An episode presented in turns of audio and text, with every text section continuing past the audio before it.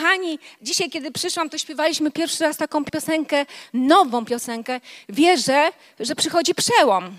Wiecie, i ja nie zdawałam sobie sprawy z tego, że oni dzisiaj to śpiewają, chociaż program był mi też wysłany, ale pomyślałam sobie, Boże, jakie ty jesteś niezwykły, bo ja dzisiaj chcę mówić o tym, że przychodzi przełom. Ja dzisiaj chcę mówić o granicach wytrzymałości, do których czasem jesteśmy doprowadzani w naszym życiu. Wiecie, i chcę mówić dzisiaj o Jakubie, o Jakubie, który był potomkiem Abrahama o Jakubie, y, który był mężem takim walecznym. I o tym, że on żył w czasach, dożył czasów, w których pojawił się głód. Biblia mówi, że na całym świecie wtedy pojawił się głód. W Egipcie pojawił się głód. I czytamy o tym w pierwszej księdze Mojżeszowej, 41 rozdziale, 56 wersecie. A gdy głód był na całej ziemi, wtedy otworzył Józef wszystkie pichrze i sprzedawał Egipcjaninom zboże, gdyż głód coraz bardziej dawał się we znaki w ziemi egipskiej. Ze wszystkich stron ziemi przychodzili ludzie do Egiptu. Ze wszystkich stron ziemi przychodzili ludzie do Egiptu, do Józefa, aby zakupić zboże, gdyż wielki głód był na całej ziemi. Wiecie, i to jest niesamowite. Ten głód również pojawił się w miejscu, gdzie mieszkał jego ojciec, Jakub. Wiecie o tym, że to była ziemia obiecana? Że on, on mieszkał w ziemi obiecanej, chociaż później oni poszli do Egiptu i później oni znowu wrócili do ziemi obiecanej. To jest niesamowite, ale to miejsce, w którym mieszkał Jakub, to było miejsce, które Bóg dał Abrahamowi. I co to mówi, wiecie, do nas? Co Bóg chce powiedzieć? Tam skończyło się to błogosławieństwo. I czasem jest tak w naszym życiu, że jesteś w miejscu ziemi obiecanej, że jesteś w miejscu błogosławieństwa, ale przychodzi taki dzień, kiedy coś usycha, kiedy coś się zmienia, kiedy już nie ma tego błogosławieństwa. I nagle co? Nagle wtedy potrzebujesz zmiany. Wiecie, to była ziemia mlekiem i miodem płynąca, ale mleko się skończyło, miód się skończył. Dlaczego tak się stało? Z jednego powodu. Z tego powodu, że zabrakło wody. To był jeden powód, że zabrakło wody. Skoro zabrakło wody, nie było zboża. Skoro nie było zboża, bydło nie miało co jeść. Jeżeli bydło nie miało co jeść, ludzie nie mieli co jeść. Taka jedna rzecz może dać się tak we znaki, że pojawia się kryzys. I tak samo chcę Ci powiedzieć, że tak może być w naszym życiu, że tylko wystarczy jedna rzecz, aby mógł pojawić się kryzys w naszym życiu. To może być jedna rzecz. To mogą być problemy finansowe, które mogą mieć wpływ na inne sfery w Twoim życiu.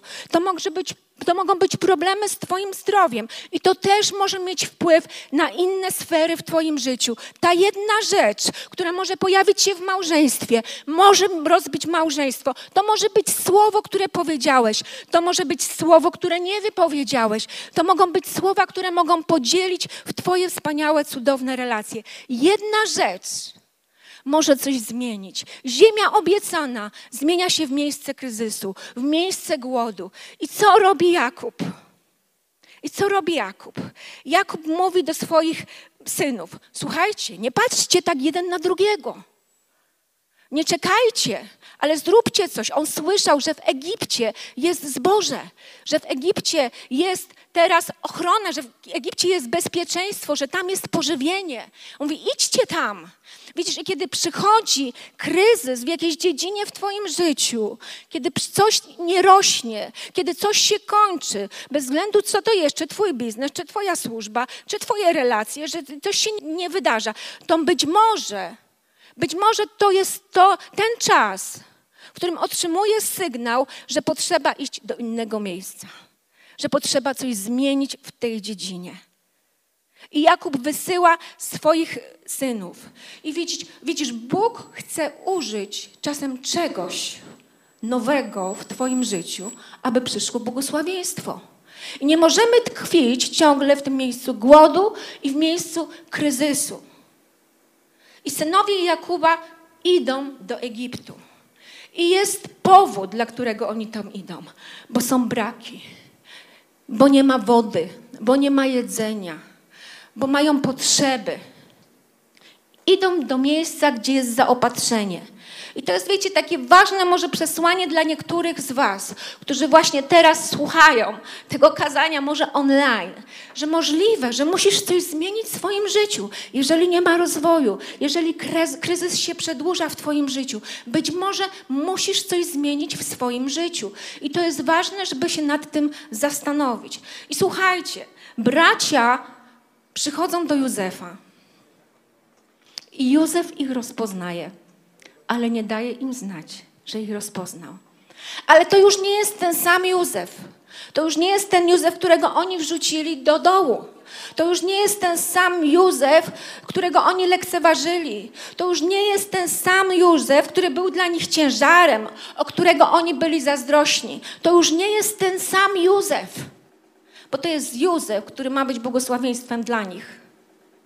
I teraz ważna prawda płynie, wiecie, z tej lekcji Czasem, czasem lekceważymy ludzi, czasem niektórzy ludzie są dla nas ciężarem, ale w przyszłości oni mogą być dla nas błogosławieństwem.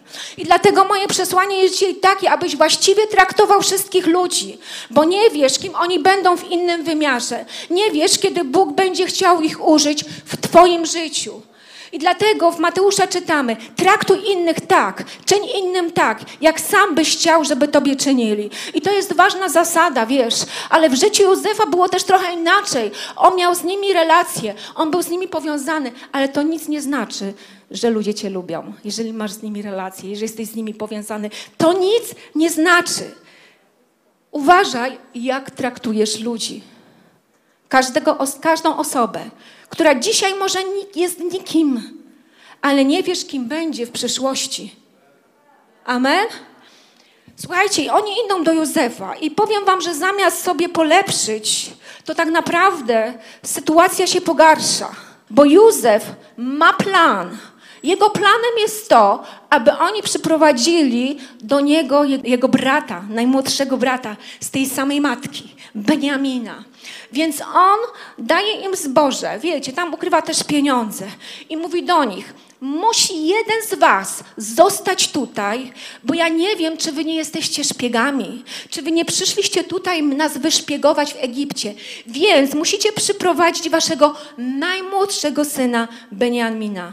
I kto czyta Biblię, to wie, że Beniamin to było oczko w głowie Jakuba.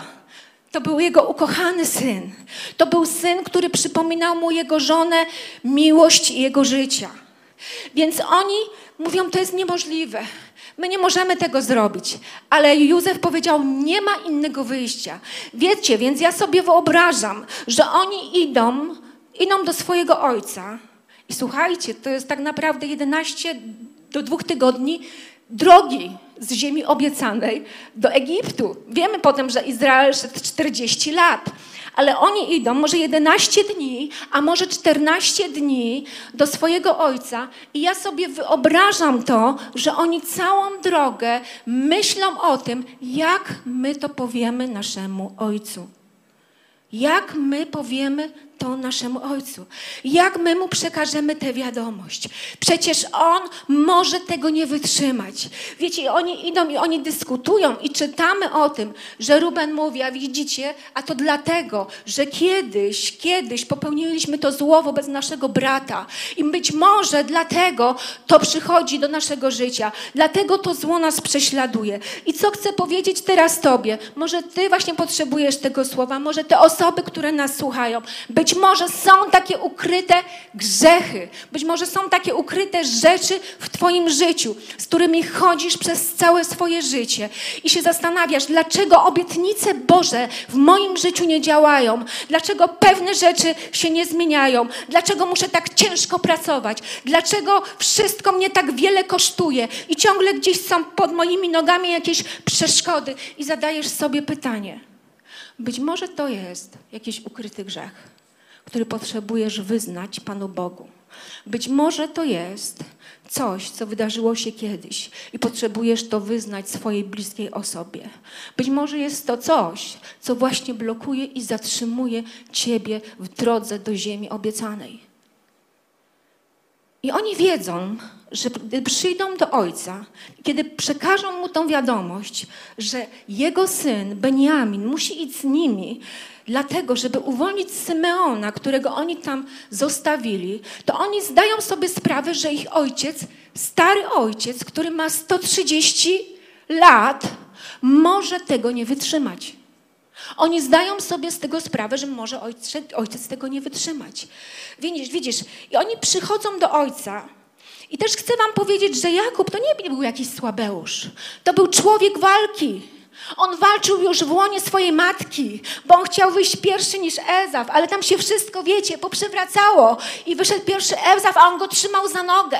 On walczył, on walczył o swoje pierworództwo, on przygotował potrawę z soczewicy, bo on chciał mieć to z pierworództwo. Wiecie, on walczył o swoją żonę, myślał, że zostanie ją po siedmiu latach z Labanem, ale nie, musiał pracować jeszcze siedem lat i tak naprawdę się okazało, potem o swój dobytek musiał walczyć. Pamiętacie tą sytuację? Sytuację, kiedy, kiedy powiedział, będą mi się rodzić pręgowane owce, te wszystkie owce są moje i wtedy ja zabiorę te owce, a Laban się gdzieś tam, wiecie, śmiał z tego, ale on walczył o wszystko, o, o to, do czego doszedł w swoim życiu, swoimi rękami. W końcu on walczył z aniołem i zwyciężył. Walczył z aniołem. To był człowiek walki, to nie był jakiś słabeusz. Ale przychodzi może taki moment w naszym życiu, kiedy myślisz sobie, ja już tego nie wytrzymam. Ja już tego nie wytrzymam. I dzisiaj chcę mówić o granicach wytrzymałości, bo czasem jest tak, że życie doprowadza nas do granic wytrzymałości. I ty możesz mówić, no ale ja jestem silny. Wiesz, nieważne w jakim teraz jesteś miejscu, może nie jesteś teraz w takim miejscu, ale każdy gdzieś w swoim życiu dochodzi do takiego punktu, w którym jesteś w granicach swojej wytrzymałości. Nieważne, że teraz jest wszystko dobrze. Nieważne, że sobie radzisz, ale przychodzi taki moment w Twoim życiu, gdy jesteś w granicach wytrzymałości. Wiecie, bo czasem wystarczy tylko jedna rzecz, żeby wszystko się przelało. I tu chodziło, wiecie, o tą jedną rzecz w przypadku Jakuba, o tego syna. Chodziło o jedną rzecz. Czasem wystarczy jedna rzecz, jeden SMS, jeden telefon, jeszcze jedno kłamstwo, jeszcze jedno zranienie, jeszcze jedno złe doświadczenie i w końcu dochodzisz do granic wytrzymałości i nie wiesz, jak się zachowasz. I nie wiesz, czy to będzie ok, czy dasz radę.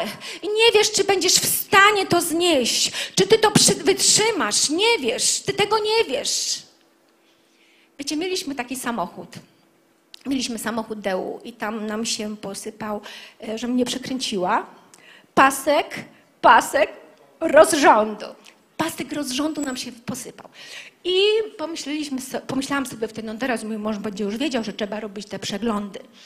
Ale y, samochód teraz, który mam, Mitsubishi, jeżdżę już z nim, nie wiem, może nie wiem ile lat, bo już nawet nie da się policzyć ile lat chyba, ale ja go bardzo lubię, już nawet Tomek mówi, musimy go zmienić, ale wiecie, jak się, ja się do czegoś tak też przywiążę y, emocjonalnie, to tak mi ciężko zmienić ten samochód. No ale w każdym razie była, słuchajcie, taka sama sytuacja taka sama sytuacja się pojawiła, że Tomek mówi, wiesz, chyba tam coś z tym paskiem rozrządu jest nie tak. Ja mówię, no to, no, no to trzeba coś tam zrobić, ja nie wiem, ja się nie znam, słuchajcie. No ale jeszcze jakoś jeździliśmy, tak? Ale potem wystarczył tylko jeden metr za daleko, żeby on się rozsypał. I potem to nas tak wiele kosztowało. Cały silnik musieliśmy gdzieś tam remontować, może nie cały, nie wiem, nie znam się, ale wybaczcie mi proszę. Bardzo mój mąż mówi nieraz, ja mówię, a może to się zepsuło, a może to mówi, no ty się nie znasz. Ale była taka sytuacja, kiedy Bóg mi objawił, co się zepsuło w aucie. Słuchajcie, i co? I co? I ja mówię, słuchaj, zepsuło się to i to, coś pomiędzy tym a tym. Wow! I czasem jest tak, że Bóg po prostu ci objawi rzeczy, na których się kompletnie nie znasz, ale nie o tym chcę mówić. Wiecie, wszystko ma swój limit.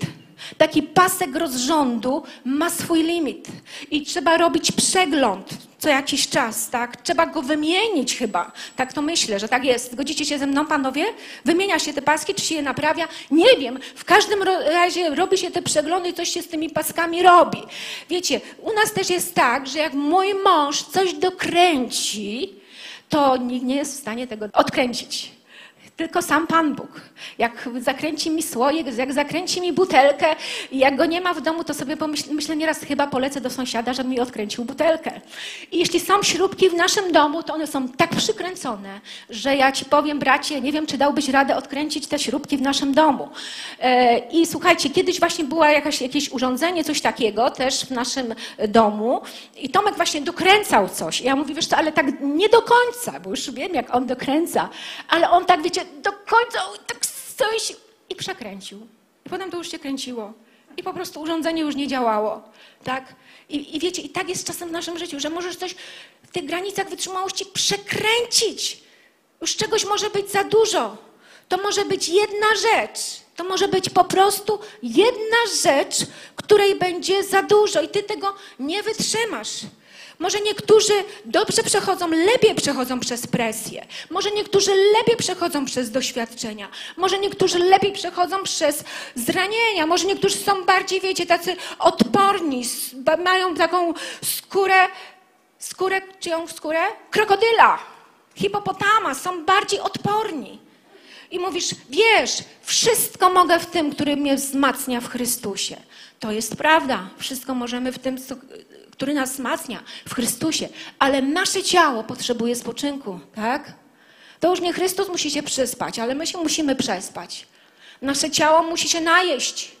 Nasze ciało musi odpocząć, kiedy jest zmęczone, bo wszystko ma swoje granice wytrzymałości. Ale gorzej jest, jeżeli zmęczy się Twoja dusza. Gorzej jest, jeżeli zmęczy się Twoja dusza. Moment, w którym jest zmęczona Twoja dusza, to jest bardzo niebezpieczny. Ty możesz mówić, wiesz, ja jestem wytrwały, bo są tacy ludzie. Są takie super bohaterki, super bohaterzy, wiecie.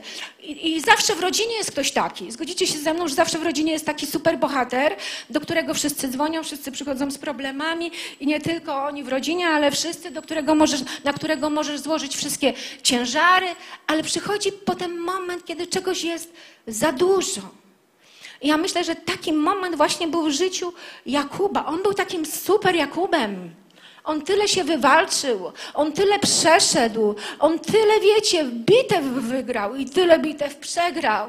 I słuchajcie, i on mówi coś takiego w rozdziale 42, pierwsza księga Mojżeszowa, kiedy oni mówią do niego, że musi iść z nami Beniamin, abyśmy mogli odzyskać Symeona. On mówi: Nie pójdzie syn mój z wami, gdyż brat jego umarł, a on jedyny tylko pozostał. Wiecie, przesadza, że jedyny, bo on jeszcze ma dziesięciu synów swoich. Umarł.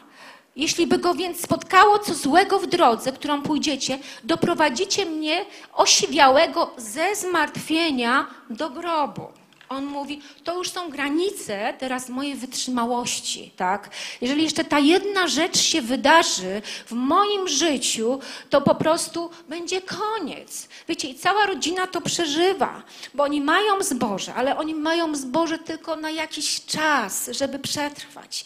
Ale też tam jest syne, Symeon, jego syn, więc wszyscy są zmartwieni. To nie jest ten moment, żeby robić zdjęcia i rzucać na Facebooka i na Instagrama, bo wiecie, tam się nie wrzuca takich momentów, tak? Tam się wrzuca wszystko, co jest najlepsze, najfajniejsze, żeby dobrze wyglądać.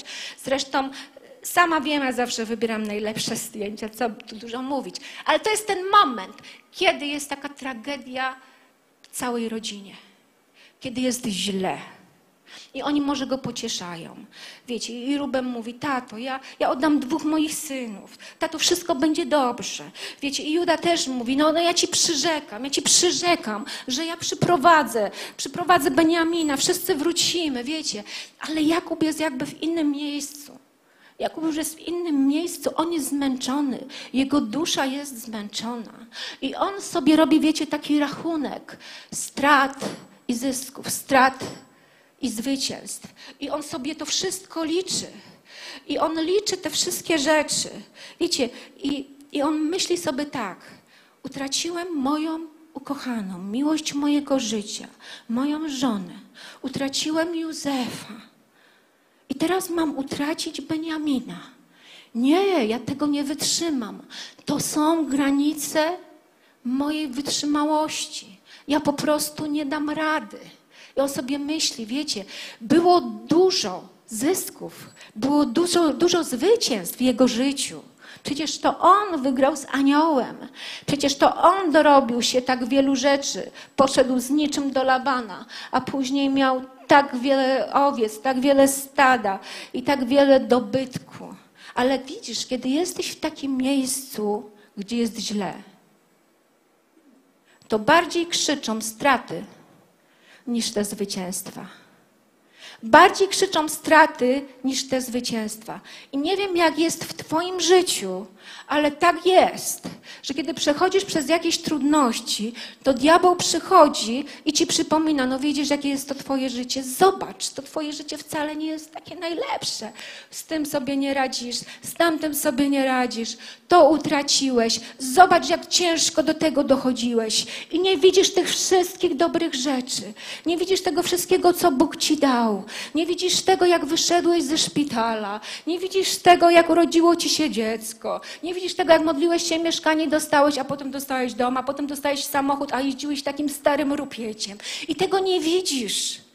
Ale te straty przemawiają bardziej. Widzisz, być może, że dzisiaj mówię właśnie do takich osób, które przeszli przez serię niepowodzeń w swoim życiu. I jest taka potężna warownia w Twoim umyśle niepowodzeń. Pewnie znowu coś złego się wydarzy. Pewnie teraz już nie dam rady. Pewnie teraz to już będzie koniec. Ja już tego nie zniosę. I chcę Ci powiedzieć, że Bóg widzi coś innego. Bóg ma inną perspektywę. Tak jak w przypadku Jakuba. On widział wszystko to, co wydarzyło się złego w jego życiu. Nawet gdy poszedł do faraona, kiedy on się później spotkał z faraonem, to on powiedział: Moje życie było złe, moje życie było ciężkie. Wiecie, on widzi to, co się wydarzyło. On widzi to, co się stanie. On już widzi ten najgorszy scenariusz. Pewnie zabiorą mi Beniamina. Pewnie wszyscy tam zginiemy. To jest pewnie jakaś pułapka. Tam jest na pewno jakiś podstęp. A ja już nie mam siły walczyć. Może gdybym był młodszy, może wtedy jeszcze bym dał radę, ale teraz jestem u granic moich wytrzymałości. Ale jest druga perspektywa Bóg, który siedzi na tronie, widzi Józefa. Ale tej perspektywy nie widzi Jakub. Widzisz, on jest u granic swoich wytrzymałości. Ale tu jest Józef, który czeka na niego z wybawieniem, który czeka na niego z chlebem, z wodą, ze wszystkim, co najlepsze. I jakże mi to przypomina tą sytuację z Golgoty. Kiedy Pan Jezus Pożegnał się ze swoimi uczniami i przyszli po niego, to uczniowie widzieli tylko tą złą stronę.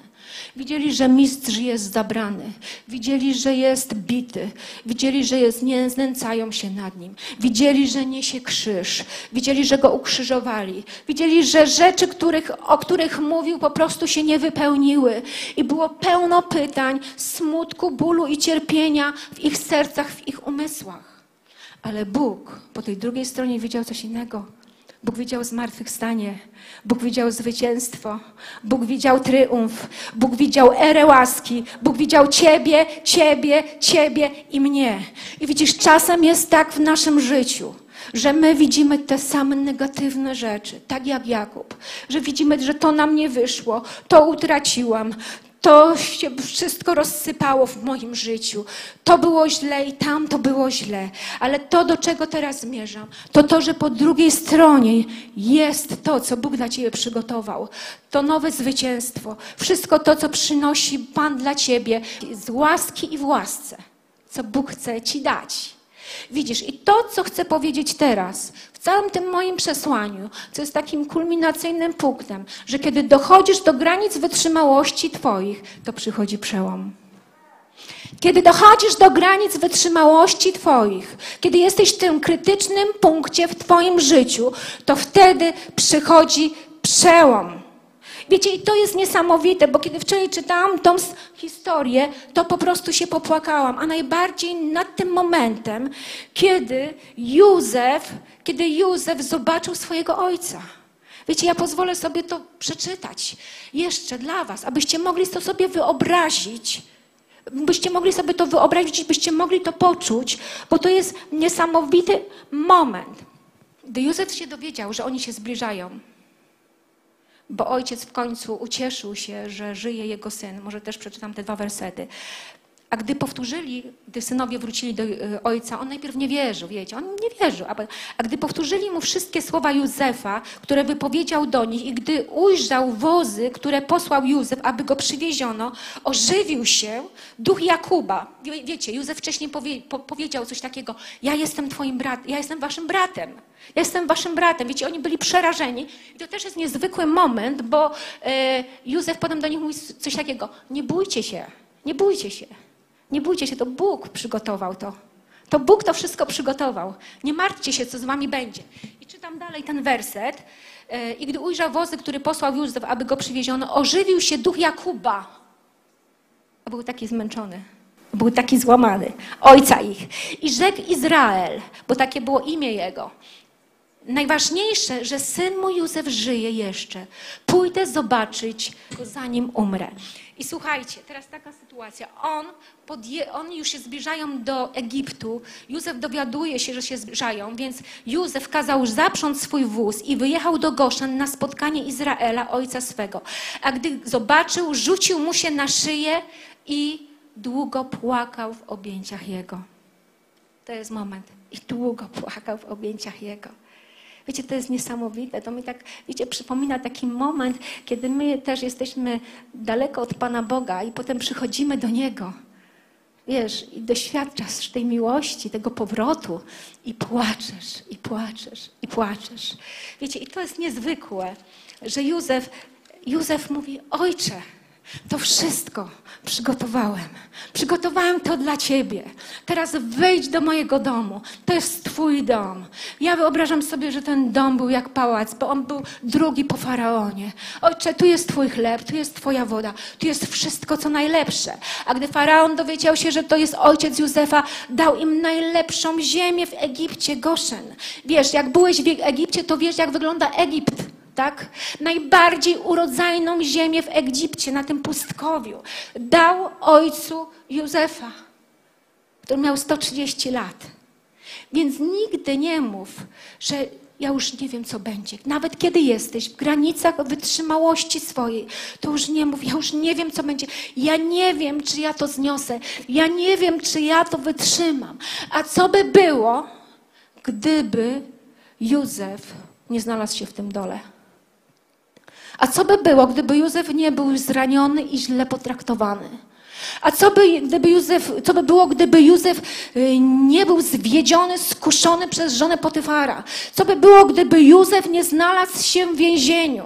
Co by było, gdyby Józef nie przeszedł tych wszystkich ograniczeń, prób, trudności w jego życiu? Cała rodzina by umarła, włącznie z nim. Egipt by zniknął, myślę, z mapy świata. Wiele ludów okolicznych by umarło. I teraz pomyśl, co by było w Twoim życiu, gdybyś nie przechodziła, gdybyś nie przechodził przez te trudności, które wydają Ci się bez sensu? Co by było, gdybyś nie znalazła się w dole? Co by było, gdybyś nie przeszedł przez te wszystkie pokuszenia i nie wyszedł z tego? Co by było, gdyby nie przyszło to odrzucenie i te trudności w pracy i te trudności w biznesie w Twoim życiu? Być może być może nie doświadczyłbyś przełomu w Twoim życiu. Być może nie znalazłbyś się dzisiaj tutaj w tym miejscu. Być może nie poznałbyś Pana jako swojego Boga i Zbawiciela. I to, co chcę, abyście zapamiętali dzisiaj z tego przesłania. Być może nie przechodzisz teraz przez taki trudny czas w Twoim życiu i to nie jest miejsce granic Twojej wytrzymałości, ale chcę Ci powiedzieć, że takie sytuacje przychodzą i takie sytuacje mogą się zdarzyć również w Twoim życiu. To chcę, żebyś zapamiętał jedną rzecz, że tam na końcu granic Twoich wytrzymałości jest przełom. Jest przełom od Pana Boga. Ale pamiętaj, że Bóg współdziała we wszystkim ku dobremu z tymi, którzy Go miłują. Więc oczekuj przełomu w Twoim życiu, jeżeli Go kochasz. Oczekuj przełomu w Twoim życiu, jeżeli Twoje serce jest blisko Pana Boga. I chciałabym, żebyśmy się teraz za chwilę pomodlili wszyscy razem. Oczekuj przełomu, jeżeli jesteś w bliskiej relacji z Panem Bogiem. Jeżeli nie jesteś w takiej bliskiej relacji, to potrzebujesz wrócić do Niego. To potrzebujesz powiedzieć, Panie, jestem daleko, ale dzisiaj wracam do Ciebie. Panie, gdzieś się zagubiłem w tym całym moim świecie, w tych wszystkich moich problemach, w tych wszystkich moich trudnościach. Tak gdzieś zletniałem, odeszłem od Ciebie, ale ja już mam dosyć. Ja już nie chcę poddawać się więcej tej sytuacji. Ja już nie chcę trwać w tym grzechu. Ja już nie chcę trwać w tych pokuszeniach. Ja już chcę wyjść na wolność, Panie. Ja dzisiaj chcę doświadczyć Twojego przełomu, dlatego chcę dzisiaj zadbać o moje serce, aby moje serce było blisko Ciebie, aby moje serce, Panie, wypełnione na nowo było miłością do Ciebie. Amen. Amen. Pochylmy nasze głowy i pomódlmy się do Ducha Świętego, aby On dzisiaj wypełnił nasze serce miłością do Boga. Panie, modlimy się o Twoją miłość którą rozlewasz przez Ducha Świętego w naszych sercach. Modlę się, Panie, aby ta miłość została teraz rozlana w sercach każdej osoby na tym miejscu. Aby każde serce zostało ożywione Twoją miłością. Aby każde serce doświadczyło teraz Twojej miłości. I abyśmy mogli wrócić, Panie, do Ciebie, tak jak Józef wrócił do Ojca. Panie, abyśmy mogli się wtulić w Twoje ramiona, Panie i wylać całe nasze serce i wylać naszą miłość. Modlę się o to w imieniu Jezusa. Ojcze, modlę się też o te osoby, które przechodzą, Panie, trudny czas. Może są już u granic swoich wytrzymałości. Modlę się, Ojcze, o przełom. Niech przyjdzie przełom. Niech przyjdzie przełom w imieniu Jezusa Chrystusa do życia każdej osoby. Niech tak się stanie. Niech tak się stanie. Halleluja. Halleluja. Na koniec chciałam się jeszcze z Wami pomodlić. Zazwyczaj modlimy się taką modlitwą, która jest w Starym Testamencie błogosławieństwem. Niech Ci błogosławi Pan i niechaj Cię strzeże. Jakże to jest ważne i potrzebne w tych czasach, żeby Bóg Cię strzegł tam, gdzie jesteś. Niech to się stanie w Twoim życiu. Niech Bóg Cię błogosławi i niech Cię strzeże. Niech Pan rozjaśni oblicze Twoje, swoje nad Tobą. Pomyśl przez moment, co to znaczy, że Bóg rozjaśnia oblicze swoje nad Tobą. Niech Pan Ci objawi, co to znaczy, że On rozjaśnia oblicze swoje nad Tobą. Że przychodzi światło, że przychodzi niebo, że przychodzi Boża obecność do Twojego życia. Niech Bóg rozjaśni oblicze swoje nad Tobą i niech przychylny Ci będzie. Niech Pan będzie Ci przychylny. Gdziekolwiek jesteś, kimkolwiek jesteś. Modlę się teraz w imieniu Jezusa o przychylność nad Twoim życiem. Niech ku Tobie skieruje Pan swój wzrok i niech zawsze darzy Cię pokojem.